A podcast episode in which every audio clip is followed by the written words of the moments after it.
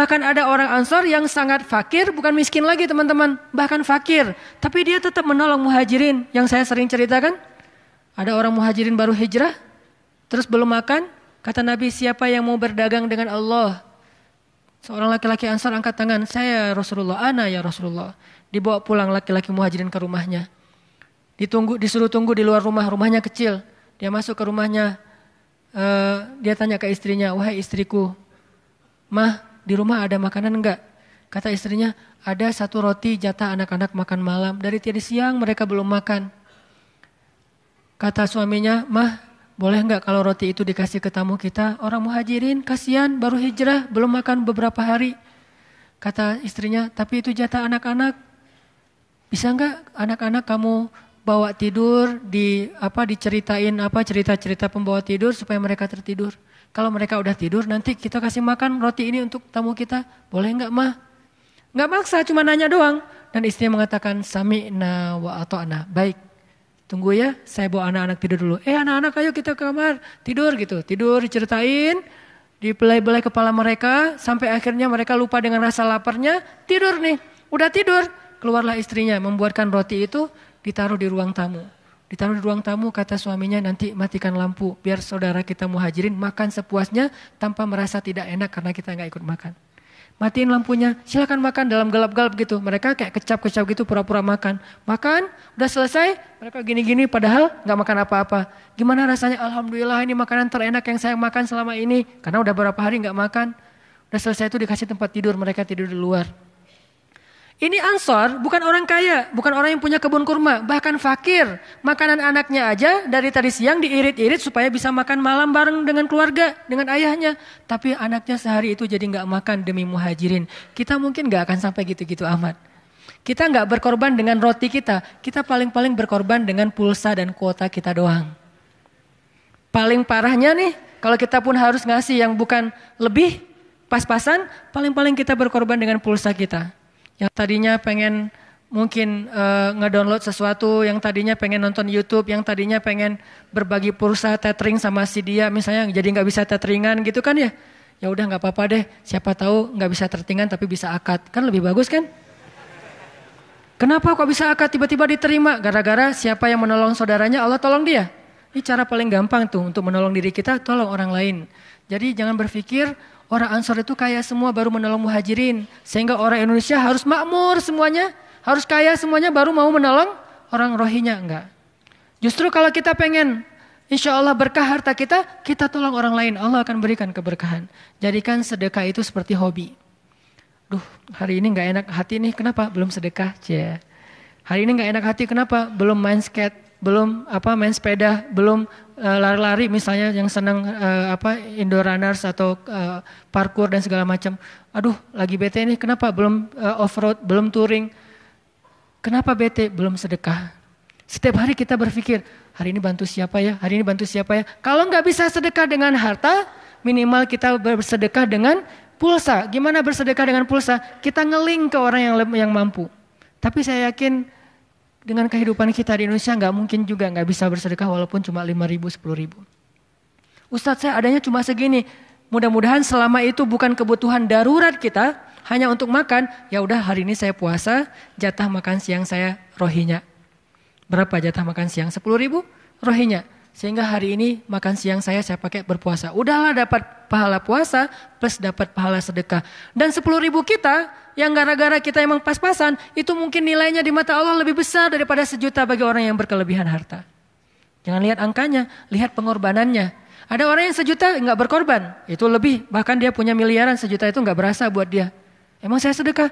Iya pak, sejuta gede loh pak. Oh nggak berasa ya, saking dia sekali ngeluarin digesek sekali bisa 5 juta, 10 juta nggak berasa buat dia. Karena dia sekali beli baju mungkin harganya berapa puluh juta, beli tas, dia apa benerin mobil atau dia salonin mobil udah habis berapa. Renovasi rumah udah habis berapa. Sejuta nggak berasa buat dia. Kita seratus ribu itu diingat sampai bertahun-tahun. Kenapa keingat? Karena itu pengorbanan. Berarti seratus ribu kita kadang di mata Allah lebih besar daripada jutaan bagi orang yang berkelebihan harta, makanya jangan berkecil hati dengan angkanya. Tapi lihat pengorbanan di angka itu, sebesar apa pengorbanannya. Al jaza ala qadril masyaqqah. Balasan Allah itu tergantung tingkat kesulitan dalam beramal.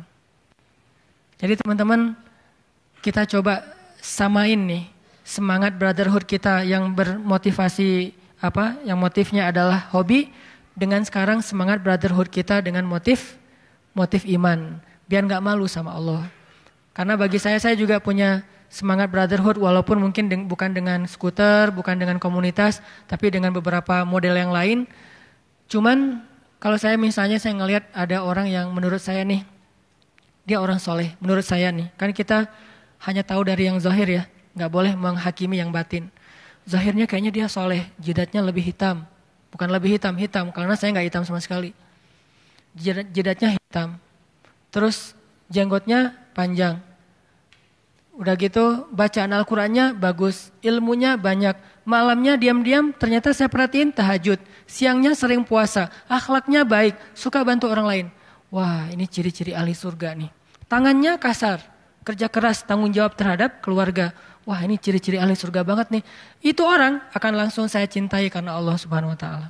Ini brotherhood yang yang saya selama ini saya coba bangun nih. Kalau ada orang kayak gitu saya jaga nih, saya caper-caperan deh sama dia. Pak butuh apa? Coba bantu dia. Sehingga kalau kita bantu dia di dunia dan dia sampai ingat kita, ya ya saya sering dibantu Ustadz ini, saya sering diperhatikan Ustadz ini, saya sering di SMS ini. Karena kita jadi sering caper sama dia sehingga dia ingat sama kita, insya Allah di dunia dia ingat kita, di akhirat dia pasti nggak akan lupa sama kita.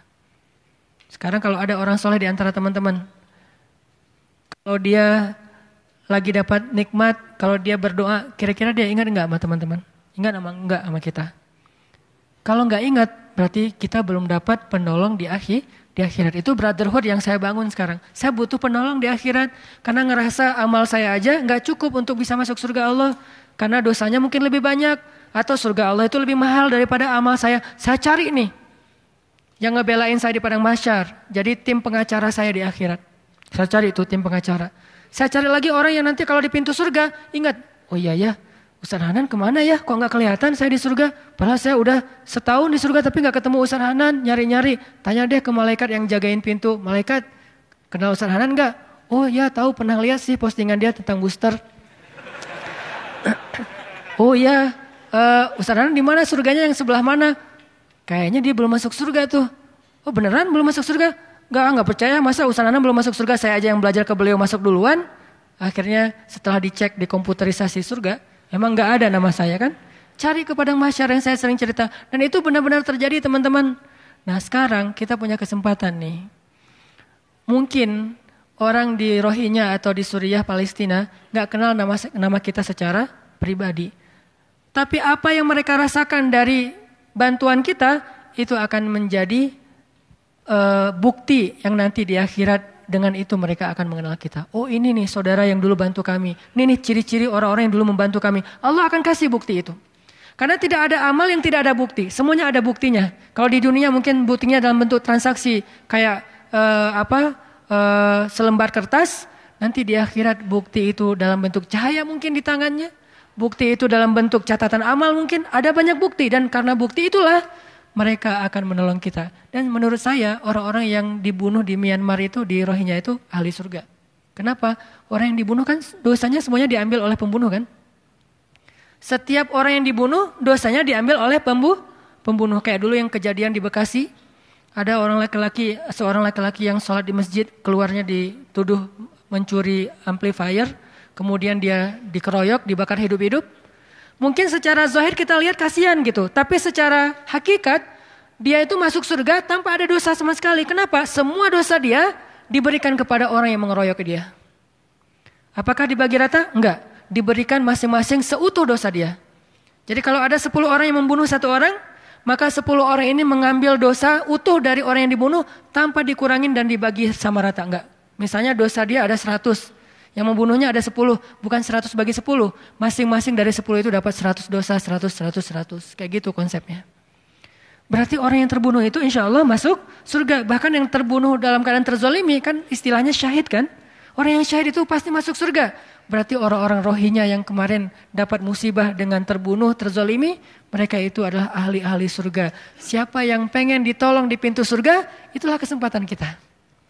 Nolong saudara kita sesama muslim di Indonesia itu kebaikan. Tetapi menolong orang yang terzalimi di rohinya itu lebih dari sekedar kebaikan duniawi.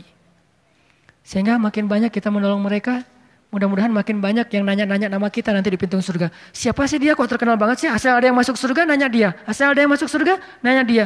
Ada orang rohinya masuk surga, Pak kenal dengan si Fulan gak? Oh, e, kenal kenapa? Udah masuk surga belum? Belum. Nanti datang lagi orang Suriah, Pak kenal dengan si Fulan. Kok orang itu ditanya oleh orang sedunia ya? Surga, Suriah, Palestina, Rohingya, Irak, Yaman, Somalia. Semua orang nanya dia kenapa? Karena dia selalu membantu mereka. Semampu dia. Mungkin cuma 10 ribu, tapi pengorbanannya besar. Maka Allah menilai pengorbanannya, bukan angkanya. Sehingga teman-teman, mudah-mudahan dengan dorongan ini, bukan karena paksaan apa pun, kita jadi coba belajar membangun ukhuwah brotherhood dalam hati kita terhadap saudara kita. Dan ini bukan hanya berlaku untuk di luar negeri, pastinya juga berlaku untuk di dalam negeri. Ketika kita ngomongin Rohingya, Suriah, dan Palestina bukan berarti kita tutup mata dengan saudara kita yang ada di Indonesia. Enggak sama sekali. Bukan seperti itu konsep berpikir kita. Cuman ini kan lagi krisis, lagi ada masalah besar. Sehingga kadang-kadang ketika lagi ada masalah besar kayak gini, kita harus uh, coba memprioritaskan ini, nanti regulernya kita tetap membantu saudara kita yang ada di sekeliling kita, tetangga kita, saudara kita, calon kita. Yang penting bantulah. Cuman itu kan bisa ditunda dulu sementara. Sekarang kita coba fokus kepada saudara kita yang sedang terzalimi. Itu teman-teman yang mudah-mudahan malam ini saya paling-paling bisa nyumbang sekian. Tapi dengan mengajak teman-teman semuanya, saya ngerasa alhamdulillah sebanyak teman-teman menyumbang, saya juga ikut dapat pahala sebesar itu. Teman-teman juga gitu, yang ngajak teman-teman yang lain, yang nge-mention ke yang lainnya, yang ngajak tadi ke masjid, dan seterusnya. Makin banyak yang kita ajak, makin besar sumbangan kita. Mungkin kita nyumbang 10 ribu, teman kita sejuta, berarti sumbangan kita sejuta 10 ribu. Makanya jadi ustadz itu pahala yang apa kebaikan yang luar biasa itu adalah ketika mengajak orang, orang melakukannya dia dapat pahala dari setiap orang yang melakukannya ya. Kalau kita bukan ustadz gimana ustadz? Ya udah tadi tuh kita mengajak lewat uh, sosial media. Kita saling nge-mention, saling nge-tag supaya semua orang mendapatkan kebaikan yang sama dengan kita. Itu aja yang insya Allah nanti kita akan edarkan uh, sorban cinta untuk rohinya yang mungkin yang kita berikan itu nggak seberapa dibandingkan yang diberikan oleh negara-negara teluk lah. Negara teluk satu keluarga bisa ngasih miliaran dan kita mah semampu kita. Cuman lagi-lagi lihat pengorbanannya. Mudah-mudahan jangan sampai karena kita ngerasa ah sumbangan Indonesia mah nggak ada artinya. Ini bukan masalah itu, tapi masalah kita terdaftar nggak nanti di antara orang yang ditolong di pada masyar. Kita pengen menolong diri kita sendiri, bukan menolong orang lain. Insya Allah nanti setelah selesai muhasabah dan doa, silakan teman-teman bagi yang punya kelapangan rezeki bisa memberikan sekarang. Bagi yang mungkin sekarang uangnya terlalu kecil, pengen yang lebih gede, yang gedenya ada di rumah misalnya, nanti beri setelah uh, apa kajian ini bisa disumbangkan. Ke banyak ada ACT, ada Golden Future, ada DPUDT, ada banyak lah yang sekarang juga kita akan serahkan ke sana bukan kita yang sendiri yang yang ngelola karena pemuda hijrah bukan tidak punya program khusus buat pengelolaan uh, donasi karena bukan itu fokus dakwah kita. Tapi insya Allah kita tetap membantu beberapa organisasi uh, kemanusiaan yang ada di Indonesia untuk dunia. Mudah-mudahan ini bisa jadi booster buat kita. Seperti kata-kata saya di uh, postingan terakhir kita menolong mereka di dunia, nanti mereka yang akan menolong kita di akhirat dan itu pasti.